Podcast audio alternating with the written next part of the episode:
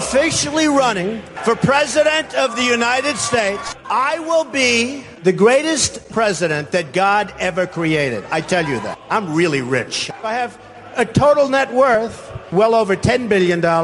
Free trade can be wonderful if you have smart people.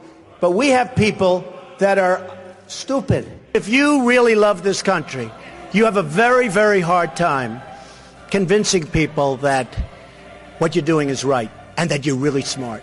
And like a lot of us are really smart. I'm really smart. President Obama is the least transparent president in the history of this country.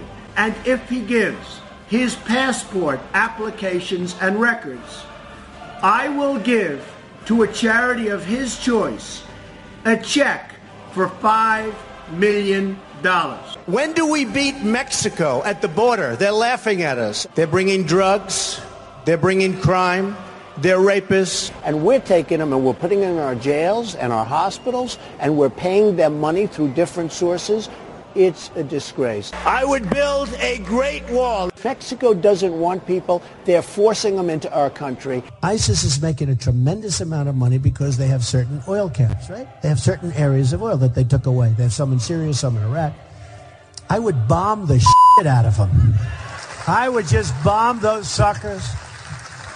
And that's right. I'd blow up the pipes. I'd blow up the refi- I'd blow up every single inch. There would be nothing left. And you know what? You'll get Exxon to come in there in two months. You ever see these guys, how good they are, the great oil companies? They'll rebuild that sucker brand new. It'll be beautiful. And I'd ring it and I'd take the oil.